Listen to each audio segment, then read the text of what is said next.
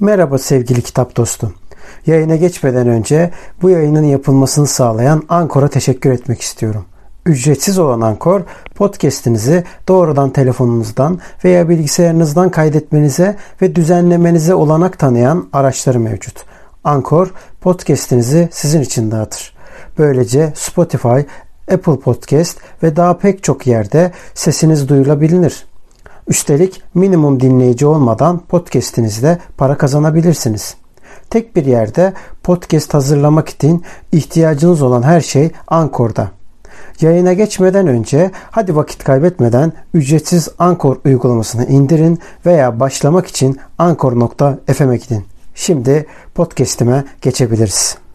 Vakitsiz defin. Bazı konular ilginç ve sürükleyici olsa da mantıklı bir kurmaca yazının amaçlarına uygun olamayacak kadar dehşet verici bulunur. Okurlarını öfkelendirmek veya tiksindirmek istemiyorlarsa romantik yazarlar bu tip konulardan kaçınmalıdırlar. Bu konular sadece gerçeğin ciddiyeti ve görkemiyle kutsandığı sürece yakışık alır. Söz gelimi Brezina muharebesini Dipnot, sınırları değişmeyen, önce Rusya'nın batısında kalan, şu anda Belarus sınırları içindedir. Nehir civarında gerçekleşen muharebe, Tolstoy'a Savaş ve Barış'ı yazdıran, Siyahovski'ye 1812 Evertü'yü besteleten savaş. 1812'de Napolyon'u General Kutuzov'un kalabalık ordusu Berezina yakınlarında karşılaşır. Moskova'nın dışında Fransızları bekleyen ve başkenti ateşe veren Ruslar Fransızlardan çok daha üstündü.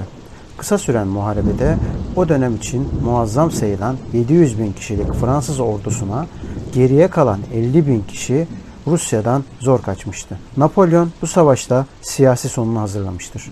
O tarihten bu yana Fransızca'da Berezina felaket kelimesiyle eş anlamlı olarak kullanılır. Büyük Lisbon depremini Dipnot, Büyük Lisbon depremi 1 Kasım 1755 sabahı meydana gelen depremdir.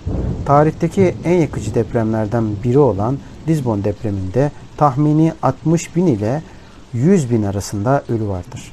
Depremi bir tsunami ve kentin pek çok yerinde başlayan yangınlar takip etmiştir. Sonuçta o dönemde Avrupa'nın en büyük dördüncü şehri olan Lisbon'un neredeyse tüm yerleşim alanı kullanılmaz hale gelmiştir. Ayrıca bu deprem Portekiz'de politik tansiyonun yükselmesine, ekonominin çökmesine ve zaten gerileyen koloni imparatorluğunu büyük ölçüde yıkılmasına yol açmıştır. Büyük Londra salgınını, dipnot, büyük veba salgını, kara ölüm ya da kara veba ki Ellen Poe bu konuda birçok eser vermiştir. 1347-1351 yılları arasında Avrupa'da büyük yıkıma yol açan veba salgınıdır. Asya'nın güneybatısında başlayarak 1340'lı yılların sonlarında Avrupa'ya ulaşmıştır. Kara ölümün Avrupa'nın nüfus üzerinde büyük etkisi olmuş ve Avrupa'nın sosyal temellerini değiştirmiştir. Roma Katolik Kilisesi içinde büyük bir darbe olan kara ölüm, Museviler, Müslümanlar, yabancılar, dilenciler başta olmak üzere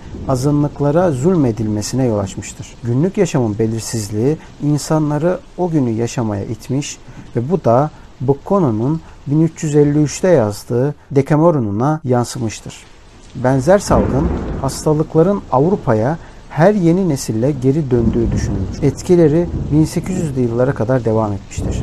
Büyük Londra salgını 1665-1666 yılları arasında yaşanmıştır. Aziz Bartholomew katliamını dipnot 24 Ağustos 1572 günü Fransa'da Aziz Bartholomeos yurdusu gününde Kral 4. Charles annesi Catherine de Medici tarafından kışkırtılarak Protestan Hristiyanlığın yok edilmesi emrini verdi. Tarihte Bartholomew katliamı olarak geçen menfur günde sadece Paris'te 3000'den fazla protestan öldürüldü. Bu katliam Fransa ve İspanya'nın Flandres bölgesinde denetim altına alınmak istemesi ve Katolik Protestan asilzadeleri arasındaki iktidar çekişmesi nedeniyle meydana gelen olaylardan biridir. Beyaz açlı kıyafetleri giymiş Katolikler evlerinde uyumakta olan protestanlara saldırdılar. Önce Paris'te başlayan katliam daha sonra bütün ülke geneline yayıldı iki gün süren katliam sonucunda resmi olmasa da on binlerce protestanın öldürüldüğü tahmin edilmektedir. 26 Ağustos 1572'den sonra sağ kalan Fransız asıllı protestan soyluların tamamı dinlerini terk ederek Katolikliği kabul etmiş, halk tabakası ise İsviçre ve Almanya'ya sığınmıştı. 123 tutsağın havasızlıktan nasıl öldüğünü okurken acıya bulanmış bir zevk duyarız. Ama bizi coşkulandıran tarihi gerçeklerdir. Kurmaca yazında yer alsalardı kesinlikle tiksindirici olurlar. Tarihe geçmiş kayda değer felaketlerin birkaçından bahsettim. Ama dikkatinizi çeken, bizi etkileyen şey felaketlerin karakteri değil boyutudur. İnsanlığı sarsan acılar listesinden çok daha büyük ve dehşetgiz bireysel ıstıraplar bulabileceğimi tahmin ederseniz sanırım. Zaten gerçek acılar toplumsal değil bireysel olarak yaşananlardır. Şükürler olsun ki acıların en müfrit olanlarına yığınlar halinde değil bireyler olarak maruz kalırız. Bireyin başına gelebilecek en büyük felaket ise kuşkusuz vakti gelmeden defnedilmektir. Aklı selim insan ise bunun sıklıkla meydana geldiğinden şüphe duymaz. Yaşam ile ölüm arasında sınır öylesine incedir ki ikisinin de başlangıç ve bitiş noktaları kestirilemez. Kimi hastalıklarla yaşamsal fonksiyonların durduğunu, daha doğrusu duraksadığını biliyoruz. Bunlar o akıl almaz mekanizmadaki duraksamalardır. Bir süre sonra duraksama sona erer ve gizemli bir biçimde o çarklar ve dişliler yeniden harekete geçer. Gümüş tel ilelebet gevşememiş, altın tas temas edilemez biçimde kırılamamıştır. Dipnot. Eski ait Vaiz 12'ye 6'dan uyarlanma. Gümüş tel kopmadan, altın tas kırılmadan, tesli çeşmede parçalanmadan, kuyu makarası kırılmadan. Peki bu duraksama sırasında ruh nerededir? Bu gibi nedenlerin kaçınılmaz olarak nihai sonuçlar doğurmasına yani işlevsellikte duraksamaların yaşanmasıyla vakit definlerin gerçekleşmesine şahit olabileceğimiz gibi tıp uzmanları da bu tip definlerin meydana geldiğini sıklıkla ifade ederler. Gerekirse anında yüzlerce onanmış emsal sıralayabilirim.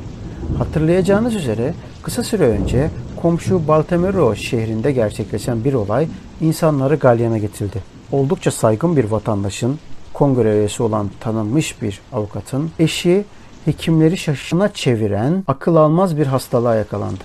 Kadıncağız uzun süre ıstırap içinde kıvrandıktan sonra öldü. Daha sonra daha doğrusu öldü sanıldı. Kimse bunun bir duraksama olduğunu anlamadı. Anlaşılması mümkün de değildi. Yüzü donmuş gibiydi. Dudakları kas katıydı. Gözleri ise donuktu. Bedeni buz kesmişti. Nabzı ölçülemiyordu. Bekletildiği üç gün zarfında bedeni iyice taşlaştı. Çürümesinden endişelendikleri için cesedi daha fazla bekletmeyip gömdüler. Kadını defnettikleri mahzene üç yıl boyunca hiç girilmedi. Sonra bir gün bir lahidin yerleştirilmesi amacıyla kapı açıldığında beyaz giysili bir şey tıngırdayarak düşünce adamcağızı küçük dilini yuttu. Kefenli kadının iskeletinden başka bir şey değildi bu. Yapılan araştırmalar kadının tabuda konduktan iki gün sonra kendine gelmeye başladığını, çırpınarak tabuda yerleştirildiği yerden düşürdüğünü ve parçalanan tabuttan çıktığını gösteriyordu. Tesadüfen mahzende unutulan bir lambanın içi boştu. Gerçi içindeki yağ buharlaşmış da olabilirdi. Mahzene inen basamakların başında tabuttan bir parça bulundu. Kadının bununla kapıya vurduğu belliydi. Yaşadığı dehşet onu öldürmüş olmalıydı. Korkup bayılmış, kefeni kapının nişlerinden birine takılmış, böylelikle ayakta kalamamıştı.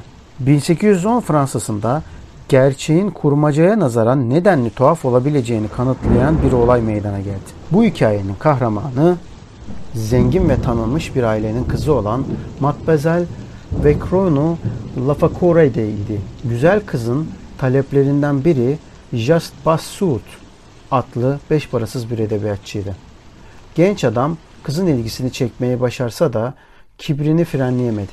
Matmazel iktisat uzmanı bir siyasetçi ile hayatını birleştirdi ama mutlu olamadı.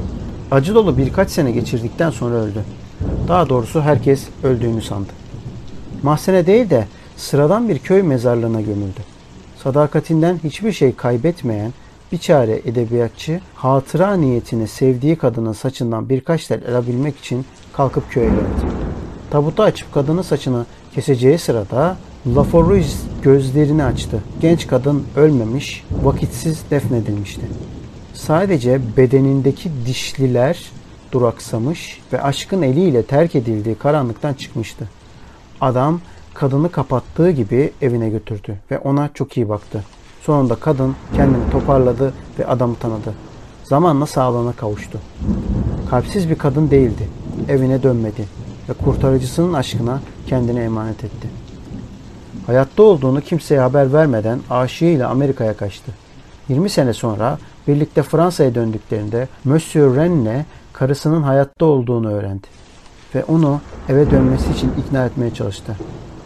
Kadın bunu kabul etmedi. Mahkemede yaşananların tuhaflığından ve aradan geçen uzun yıllardan yola çıkarak Renne'nin kocalık haklarını kaybettiğini onadı.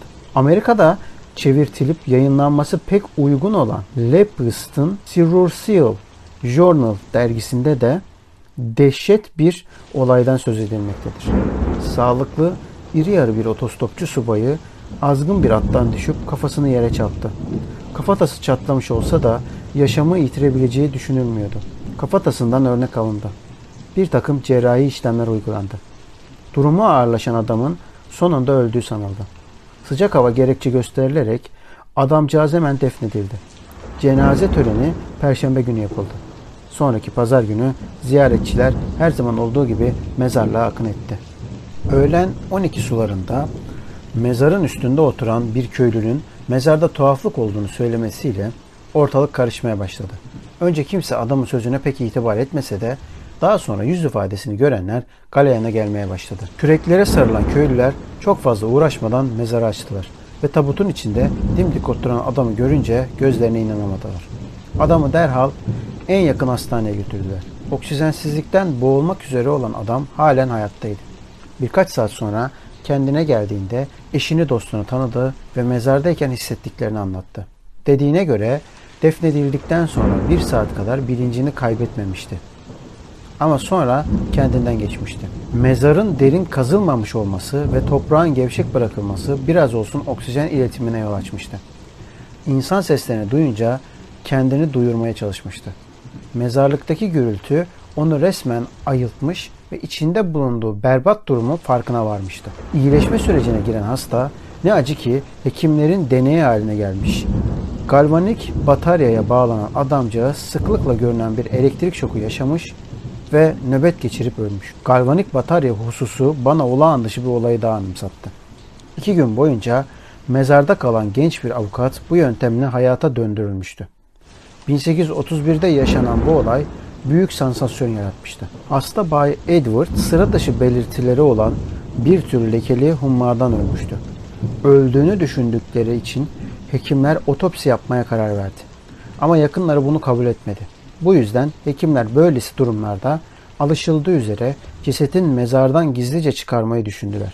Londra'da var olan sayısız mezar hırsızı sayesinde bu işi tereyağından kıl çeker gibi çözdüler. Definden 3 gün sonra 2,5 metre kadar derinliğe gömülen cesedi mezardan çıkartıp özel bir hastanenin özel bir odasına taşıttılar. Cesedin karnını kesip açtıklarında herhangi bir çürüme belirtisi göremeyen hekimler cesedi galvanik bataryaya bağlamaya karar verdiler. Pek çok deney yaptılar ve sonunda cesette birkaç kasılma hareketi gözlemlediler. Zaman su gibi akıp geçmişti. Güneş doğmak üzereydi. Bu yüzden oyalanmayı bırakıp otopsiye başlamaya karar verdiler. Fakat aralarında biri ısrarla bataryayı göğüs kaslarına bağlamak istiyordu. Cesedin göğsü yarıldı ve içine sokulan telle elektrik verildi. İşte o anda adam doğruldu. Sedyeden inip biraz yürüdü ve anlaşılmaz bir biçimde konuşmaya başladı. Stephen daha fazla dayanamayıp yıkıldı. Hekimler şaşkınlık içerisinde olsa da bu durum acil olduğundan hemen toparlandılar. Zira Bay Stephen ölmemiş, sadece kendinden geçmişti. Eter koklatılan hasta kendine geldi ve kısa süre içinde eski yaşamına döndü. Durumundan emin olununcaya dek yakınlarına haber verilmedi. Hayatta olduğunu öğrendiklerinde yakınlarının sevincine diyecek yoktu. Bu olay en ilginç tarafı Bay Stephen'ın anlattıklarıydı. Söylediğine göre aslında bilinci hep yerindeymiş. Hekimlerin ölüm ilanını vermelerinden hastane odasındaki olaylara kadar her şey puslu da olsa bilincinde belirginmiş. Elektroşoktan sonra söylemeye çalıştığı şey ise hayattayım imiş. Benzer pek çok olaydan bahsedilebilir. Ama bunu yapmayacağım. Çünkü amacımız insanların vakti gelmeden defnedilebileceğini ispatlamak değil. Sınırlı sayıda benzer olaydan haberdar olsak da bu tip şeylerin sıklıkla yaşandığını söyleyebiliriz. Belli nedenlerle dayanılarak açılan mezarlarda insana en dehşetgiz kuşkuları sayabilecek doğrulmuş iskeletler görmek mümkündür. Bu kuşkular dehşet vericidir. Ama yolu böyle çizilmiş kişi için gerçekler daha fazla dehşet verir. Vakit gelmeden defnedilmek fiziksel ve ruhsal anlamda insanı bitirir.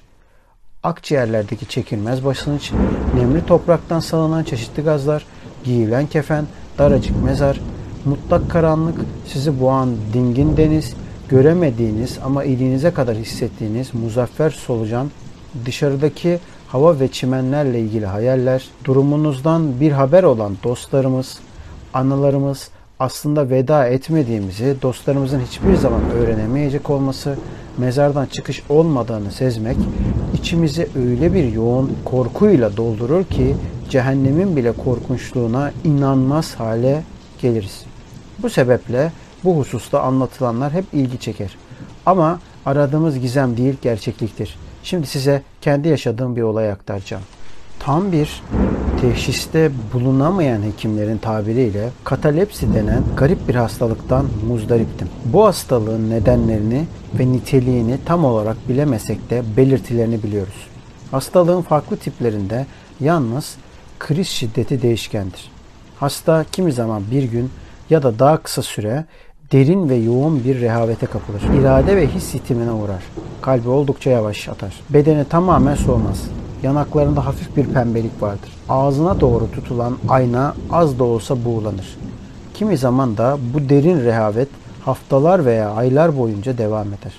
Yapılan tüm tetkikler hastanın ölüm ile yaşam arasındaki bu durumuna bir açıklama getirmeyi başaramaz. Hasta ya da dostları ya da bedenin çürümemesi sayesinde vakitsiz defnedilmekten kurtulur. Hastalık sinsice ilerler.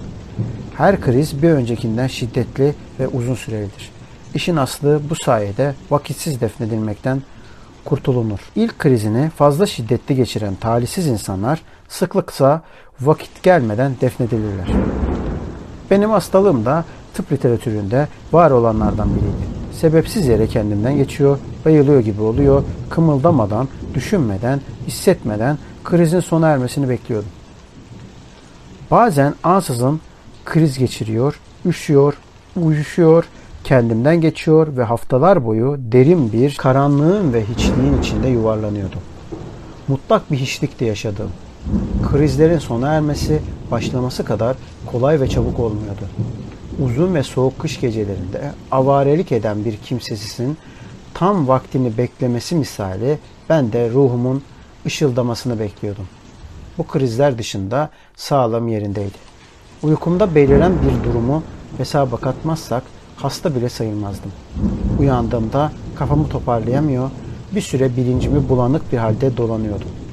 Bunları yaşarken fiziksel bir acı olmasa da ruhsal bir sancı çekiyordum. Hayal dünyamda ölüm kendine yer edinmişti. Solucanlardan, mezarlardan ve yazıtlardan bahsediyordum sürekli. Ölümden başka bir şey düşünemiyor, vakitsiz defnedilme korkusu yaşıyordum. Bu düşünce peşimi bir an olsun bırakmadı. Gece gündüz sadece bunu düşünüp kendimi harap ediyordum. Her şey zifiri karanlığa karışınca cenaze arabalarının süsleri gibi titreyip duruyordum. Uykuya yenik düşüp sızdığımda ise uçsuz bucaksız karanlık mezarın kanatları kabuslarımı dolduruyordu. Bu dehşet verici kabuslardan birini anlatmak istiyorum. Yaşadığım olağan katalepsilerden daha şiddetli ve uzun süreli bir katalepsiye tutulmuştum. Birden bir elin soğukluğunu anlamda hissettim ve aceleci anlaşılmaz bir sesin kalk dediğini işittim. Doğrulup oturdum. Karanlıktı. Beni kimin uyandırdığını bilmiyordum. Krizi nerede geçirdiğimi, dahası o an nerede oturduğumu da anlamlandıramıyordum. Hiç hareket etmeden kafamı toparlamaya çalışırken o soğuk ev aniden bileğimi tuttu ve yeniden konuştu. Kalk, sana kalk demedim mi? Sen de kimsin diye sordum. Yurdumda beni bir isimle çağırmazlar dedi beni buhrana sokarak. Ölümlüydüm ama artık iblisim. Kimseye merhamet etmezdim. Ama şimdi merhamete muhtacım. Titrediğimi görüyor musun? Dişlerim takır diyor. Ama bu mutlaka karanlığın soğuğundan değil. Bu korkuya kim dayanır ki? Sen uyumayı nasıl beceriyorsun? Acı dolu çığlıklar uyumama izin vermiyor. Gördüklerime katlanamıyorum. Kalk. Gecede kaybolalım. Mezarları göstereyim sana. Ne acı nasıl bir manzara değil mi? Bak dediğini yaptım. Görünmez adam bileğimi bırakmadan mezarları teker teker açıverdi. Kederli uykularına solucanların eşlik ettiği cesetler fosfor ışığıyla aydınlanıyordu. Ama o da ne? Ebedi uykusuna yatanların sayısı gerçekte çok azdı. Kefenler hışır diyor, ceset sanılanlar huzursuzca kımıldamaya çalışıyordu. Sessiz sedasız yatanların çoğu defnedildikten hemen sonra rahatsız duruşlarını değiştirmiş gibiydi. Şaşkın bir halde etrafa bakınırken o ses yine konuştu. Acı nasıl bir manzara değil mi? Ben daha karşılık veremeden bileğimi sıkan elin baskısı kayboldu. Fosfor aydınlığı sona erdi. Ve mezarlar eski halini aldı. Mezarlardan yükselen çığlıklar etrafı sararken ses yeniden konuştu. Yüce Tanrım ne acıklı bir manzara. Geceleri beni daraltan bu kabuslar gündüzleri de peşimi bırakmıyordu. Sinirlerim iyiden iyiye gerilmişti ve yoğun bir dehşet içinde kala kalmıştım. At binmiyor, etrafta dolaşmıyor, evden katiyen uzaklaşmıyordum. Olağan krizlerden birini geçirdiğimde birilerinin bedenimdeki duraksamayı anlamayıp vakti gelmeden beni defnetmesinden öylesine korkuyordum ki evden uzaklaşmaya cesaret edemiyordum. En yakınımdakilerin güvenirliğini sorguluyordum. Geçirdiğim her krizde öldüğümü düşünebileceklerinden çekiniyordum. Dahası onlara çektirdiğim eziyete karşılık bu tip bir krizi fırsata dönüştürebileceklerini bile düşünmeye başladım. Böyle bir şey yapamayacaklarına dair dürüstçe söz vermelerine karşın onlara inanmıyordum. Bedenim tamamen çürüyünceye dek beni defnetmemeleri için onlara ant içirdim. Buna rağmen korkularımı yenemiyor, kendimi rahatlatamıyordum. Birkaç tedbir almaya karar verdim. Aile mahzenimizin kapısının içeriden açılabilmesini sağladım. Mezara kadar uzanan bir kaldıraca dokunulduğunda demir kapı ardına dek açılabiliyordu. İçinde yatacağım tabuta ışık ve oksijen girebilecek, yanı başımda yiyecek ve içecek bulunduracaktım. Tabutun içi elyafla kaplıydı ve mahzenin kapısıyla benzer bir mekanizması vardı. En ufak fiziksel hareket içindeki yayların çalışmasına yol açacaktı. Mahzenin tavanına büyükçe bir çan astırdım. Çandan sarkan ip cesedin parmağıyla bağlanacaktı. Ah yüce Tanrım! İnsan kaderini yenebilir mi? İnsanın kaderinde varsa vakitsiz defin, bunca tedbiri almanın kıymeti mi var? Alın yazında yazan buysa korkunç bir ıstıraba gömülmemem mümkün mü? Bütüncül bir şuursuzluktan çıkıp usulca etrafımı idrak etmeye başladım. Algının şafağı söküyordu. Uyuşuk bir kaygı hali sarmıştı ruhumu. Acıya karşı kayıtsızdım. Gayesiz, ümitsiz ve gayretsizdim. Sonra uğultular işittim. El ve ayaklarım karıncalandı. Hislerim düşünceye dönüşmeye çalışırken huzur verici bir sükunete büründüm. Sonra tekrar boşluğa düştüm. Ama ansızın kendime geldim. Düşünmek, hatırlamak için çaba sarf ettim. Küçük başarılar elde ettim. Zihnim toparlandıkça durumumu algıladım. Normal bir uykudan uyandığım belliydi. Katalepsi krizlerimi anımsadım. Sonra da zihnimi sürekli meşgul eden o dehşet rengiz düşünce okyanus misali doldurdu beynimi. Bu düşünce yüzünden birkaç dakika boyunca öylece kala kaldım. Neden mi? Hareket edecek cesaretim yoktu. Korktuğum şeyle yüzleşmeye çekiniyordum. Tereddüt etsem ve umutsuzluğa düşsem de usulca gözlerimi açtım. Ortalık karanlıktı. Krizi atlatmıştım. Eskisi gibi görebiliyor ama mutlak gecenin karanlığında boğuluyordum. Çığlık atmayı denedim. Fakat kuruyan dudaklarım ve dilim kasılıp kaldı. Güçlükle nefes almaya çalışırken göğsüm daraldıkça daraldı ve ciğerlerimden ses çıkmadı. Haykırmak istediğimde çenemin bağlandığını, sert bir yerde yattığımı ve iki yandan sıkıştırıldığımı fark ettim. O ana kadar hareket etmeye cesaret edememiştim. Nihayet göğsümde kavuşturulmuş kollarımı birden havaya kaldırdım. Ve kollarım hızla yüzümden 15 santim uzakta olan sert bir şeye çarptı. Demek ki bir tabutun içindeydim. Çektiğim derin ıstırabın içindeyken nasıl olduysa bir umut doğdu. Aldığım tedbirleri düşününce neşeyle doldum. Bir takım hareketler yaptım ama kapağı açamadım. Çandan sarkan ipin parmağıma bağlı olup olmadığını kontrol ettim. İp yoktu. Tabut içinin yumuşak olmadığını fark ettiğimde ise daha beter bir yeise kapıldım. Derken nemli toprağın kokusu burnuma geldi. Ah demek ki mahzende değildim. Evden uzakta bir yerde tanımadığım insanların arasında bir kriz geçirmiştim. Onlar da öldüğümü düşünüp sıradan bir mezarlığa bir iti gömer gibi görmüşlerdi beni. Bu dehşetengiz düşünce beni tekrar harekete geçirdi ve bağırmaya çalıştım. Bu kez başardım. Karanlıkta yankılanan acınası uzun delişmen bir çığlık kopardım. Hey ne diye bağırıyorsun dedi bir ses. Senin derdin ne diye bağırdı ikinci ses. Kapa çeneni diye haykırdı üçüncü. Ne diye kedi gibi hırlıyorsun diye bağırdı dördüncüsü. Ve iri kıyım birkaç adam dakikalar boyunca beni sarstı. Beni uyandırmamışlardı. Zaten uyanıktım. Ama sarsıntı sayesinde kendimi toparladım. Virginia, Richmond civarında bir arkadaşımla ava çıkmış, James Nehri boyunca yürümüştük. Akşama doğru amansız bir fırtına koptu. Nehir kıyısında duran toprak yüklü küçük bir yelkenlide geceyi geçirmeye karar vermiştik. Yelkenlideki genişliği ve tavanı mesafesi yarım metre olan iki yataktan birinde ben uyudum. 60-70 tonluk bir gemide şilte elbette lükstü. Kıvrılıp yapmış olsam da derin bir uykuya dalmıştım. Gördüğüm şey kabus falan değildi. Olağan düşünüş biçimim ve korkularım uyandıktan sonraki genel ruh halim tuhaf sanrılar görmeme yol açmıştı. Beni sarsan adamlar gemimin hamallarıydı. Toprak kokusu almam çok dağıldı. Geminin yükü zaten topraktı. Çenemin bağlandığını sanmıştım. Ama aslında uyku berem yanımda olmadığı için bir ipek mendilimi başıma bağladığımı unutmuştum. Çektiğim ıstırap ölmeden mezara konmaktan daha iyi olsa da bir nevi eziyetti. Yine de her kötü olay iyi şeylerde olur. Çektiğim ıstırap tutumumu tamamen değiştirdi. Ruhumu kurtuluşa erdi ve içimdeki öfke dindi. Yurt dışına gittim. Dinçleşmek için egzersiz yaptım. Temiz havada dolaştım. Ölüm düşüncesini zihnimden söküp attım. Tıp kitaplarına veda ettim. Bu kayını yaktım. Dipnot bu kain İskoç hekim ve yazar. Vasıfsız insanlara hastalıkların nedenleriyle belirtilerini anlatabilmek için kaleme aldığı eseri 80 bin kopya satmıştır. Gece düşlerini dipnot Beckford'un Vatek adlı eserindeki baş kahraman Vatek'in karanlık yönleri olan astroloji ve büyüyle uğraşan annesidir. Okumaktan, mezarlıklar ve karabasanlar üzerine düşünmekten vazgeçtim. Yeniden doğdum diyebilirim. O melun geceden sonra dehşet verici düşüncelerden uzak durdum. Böylelikle krizlerden de kurtuldum. Aklı selim insanlar bile ıstırap yüklü yeryüzünü kimi zaman cehenneme benzetir.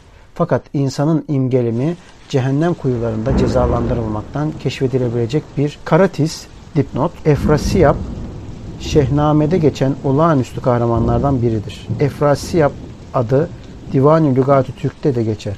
Kaskarlı Mahmut'a göre Efrasiyap Türklerin büyük hakanıdır. Asıl adı Tonga Alp Er'dir. Kaplan cinsi bir erdir. Babürdür. Kuvvetli, yiğit bir adam demektir. Efrasiyap, kahramanlık, hükümdarlık ve saltanat sembolü şahsiyetlerden biridir. Ceyhun Nehri, Maverünnehir denen havzayı oluşturan nehir, namı diğer Amuderya, diğer nehrin adı ise Sır Derya yani Seyhun. Birlikte olan iblisler gibi uyumalıdırlar. Aksi takdirde bizi tüketirler. Uyumamaları mahfumuz olur. Alan Poe